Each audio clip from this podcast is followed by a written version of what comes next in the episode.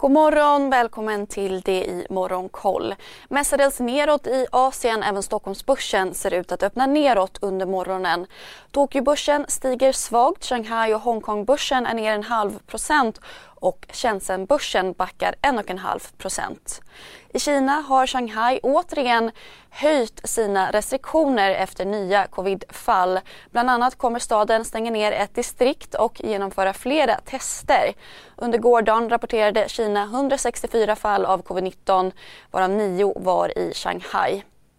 Vidare steg Kinas export betydligt mer än väntat med 17% i årstakt i maj mot väntade 8% Importen steg 4% vilket var dubbelt så mycket som väntat.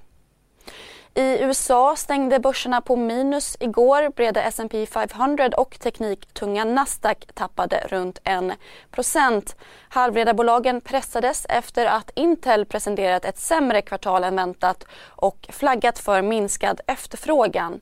Aktien tappade drygt 5 Streamingtjänsten Spotify däremot gick mot strömmen och lyfte 6% efter sin kapitalmarknadsdag där bolaget kom med nya mål. Spotify ska nå en omsättning på 100 miljarder dollar inom de kommande tio åren. Under fjolåret omsatte bolaget drygt 11 miljarder dollar. Och Twitter ska hålla en aktieägare... I de sekunderna när jag är i luften så är det en kamp på liv och död. I Spotlights serie Vinnarskallarna minns stjärnorna själva de dramatiska svenska sportögonblicken. Hör Anja Persson berätta om när hon kraschade i OS-backen men reste sig igen. Jag ville vinna över berget. Vinnarskallarna. Nytt avsnitt varje fredag. Sök efter podden Spotlight omröstning om försäljningen till Teslas grundare Elon Musk i början av augusti. Enligt Wall Street Journal planerar även Twitters styrelse att ge Musk tillgång till bolagets interna databas vilket varit ett tidigare krav av investeraren för att kunna kontrollera antalet fejkkonton på plattformen.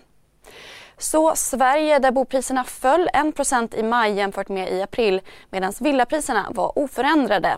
Antalet sålda villor minskade 16% i årstakt. Även sålda bostadsrätter minskade. Det visar siffror från Svensk Mäklarstatistik under morgonen. Vidare har hjälmteknikbolagen Mips höjt sina finansiella mål inför bolagets kapitalmarknadsdag idag. Bolaget siktar nu på en nettoomsättning över 2 miljarder kronor till 2027 och en underliggande rörelsemarginal över 50 procent. Medicinteknikbolaget Q-Linnea har lämnat in en ansökan för amerikanskt marknadstillstånd för bolagets antibiotikakänslighetstestning till FDA. Och på agendan idag ser vi fram emot ECBs räntebesked i eftermiddag där de väntas lämna styrräntan oförändrad men ge ledtrådar om kommande räntehöjningar. Dessförinnan kommer flera intressanta siffror från statistikbyrån SCB under morgonen där vi framförallt är nyfikna på BNP-indikatorn. Missa inte heller Börsmorgon som vanligt med start 8.45.